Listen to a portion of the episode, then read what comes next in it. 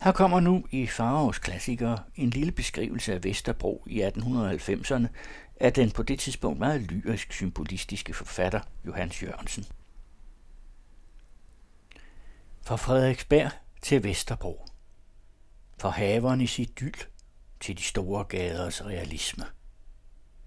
Fra de blide drømme i efterårsskyldne parker til et fattigt kvarters kummerlige kamp for livet i en verden af kulde og smus.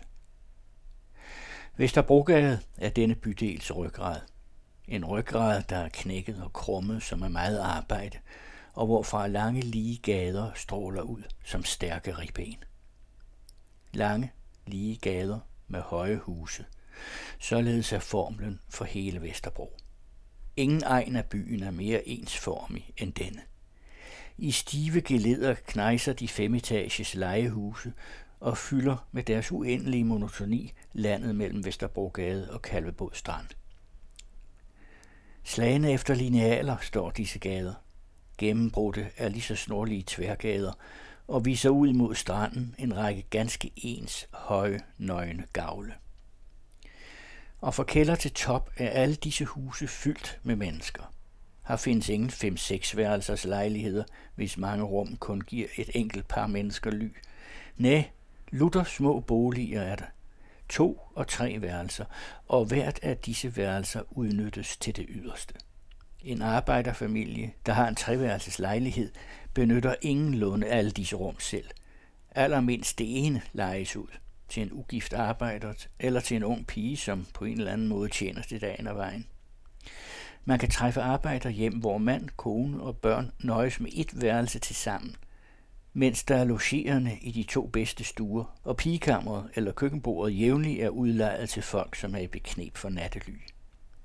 Et mylder af mennesker fylder da disse huse med en myretues mangfoldige travlhed.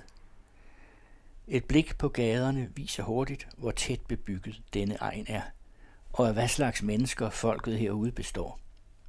Straks færdslens art er betegnende. Arbejdsvogne, trækvogne, nu er der en drosje, som ikke har ærerne der i kvarteret, arbejdsmænd, koner i sjæl, få eller ingen tjenestepiger. Dernæst butikkerne, der er mange af dem, og de er gennemgående små. Kun langs Vesterbrogade enkelte store magasiner. Butikkerne er talrige. I Vesterbros lange grå sidegader rummer næsten hver af de femetages huse sin kælderbutik. De er små og beregnet på småfolk. De skræmmer ikke de taglige kunder bort med stærkt lys og store ruder, men med prissedler i vinduerne lokker de ind til beskedende handler i halvmørket under en dårligt passet petroleumslampe eller et sparsomligt nedskruet gasblus. Det er butikker med urtekram og manufaktur, med frisk pålæg og brugte klæder, med gamle møbler og nyt fodtøj, med billigt isenkram og simple uldvarer. Kun med lange mellemrum en finere butik, en slagter med dyrt søndagskød på skinnende marmorplader, en urmager eller guldsmed med megen talmi og fransk guld og simili i vinduet. En boghandler, hvis udstilling mest er lykønskningskort af sentimental eller dekolleteret art, og allersjældnest en handskebutik. Endelig er der i disse gader mange barberstuer, hvor der raves og klippes til priser langt under taksten, en uendelighed af små beværtningskældre, gennem hvis trækruder, stank af slet tobak og dovent øl, hed og indelukket stiger den forbigående i næsen.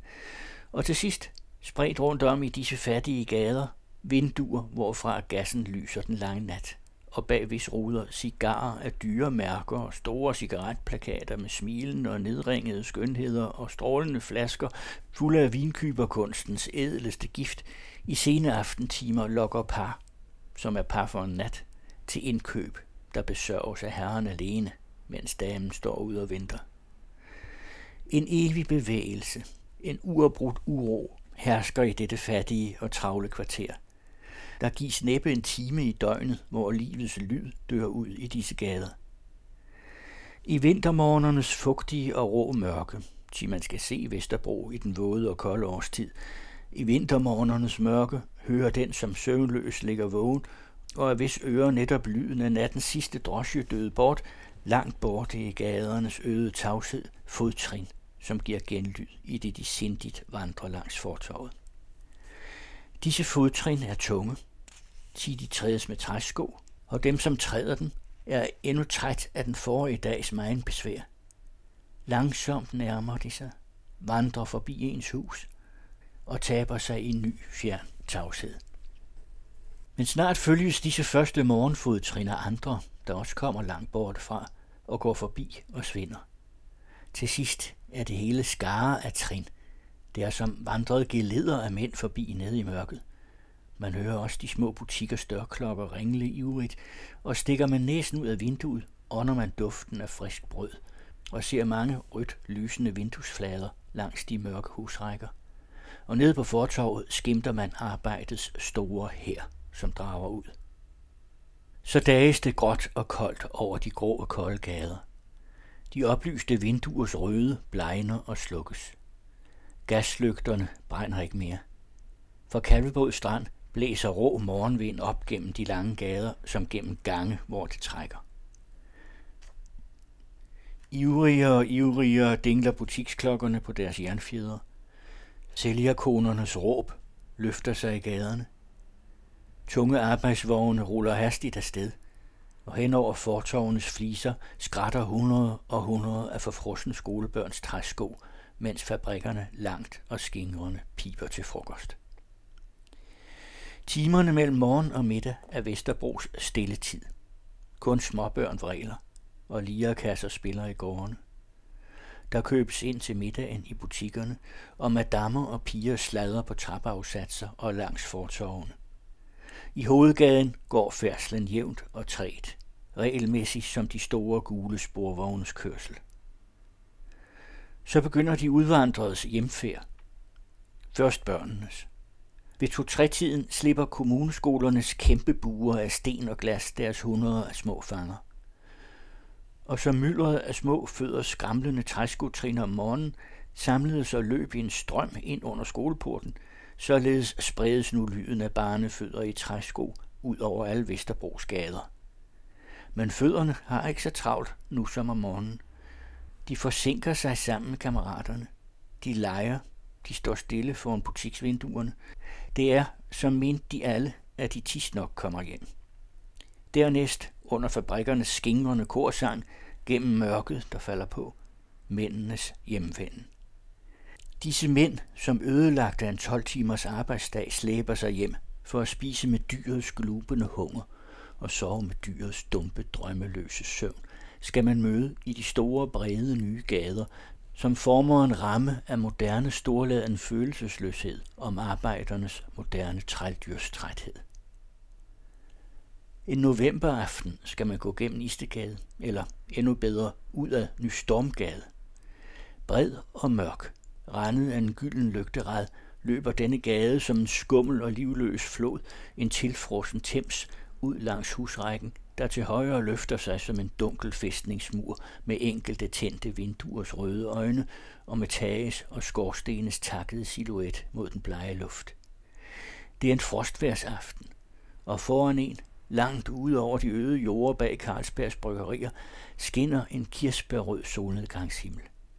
Man går på fortorvet hen langs husrækken, og i skyggen lister den ene ludende skikkelse efter den anden, bøjet som af en usynlig byrde – forbi, eller dunkle mænd skyder op af ølstinkende kælderhalse, over hvis døres røde gardiner skygger af højt svungne arme bevæger sig, eller mørke menneskeomrids dukker ud af de lange gader, hvis mat oplyste perspektiver her åbner sig og gaber med to grå gavlkulisser og en stum brolagt gade uden huse og en gammel beværtningshave, der ved gadens anlæg er gået i grøften.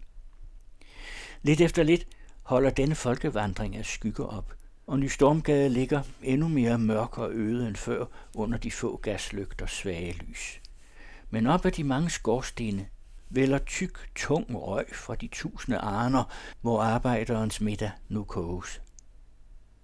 Og denne røg samler sig i den kolde frostluft til en hel sky, der brunlig rød trækker hen forbi solfaldshimlen og lavt og langsomt driver ud over ødemarkerne langs Kalvebod Strand. Arbejdets Vesterbro går til hvile. Livsnydelsens Vesterbro vågner.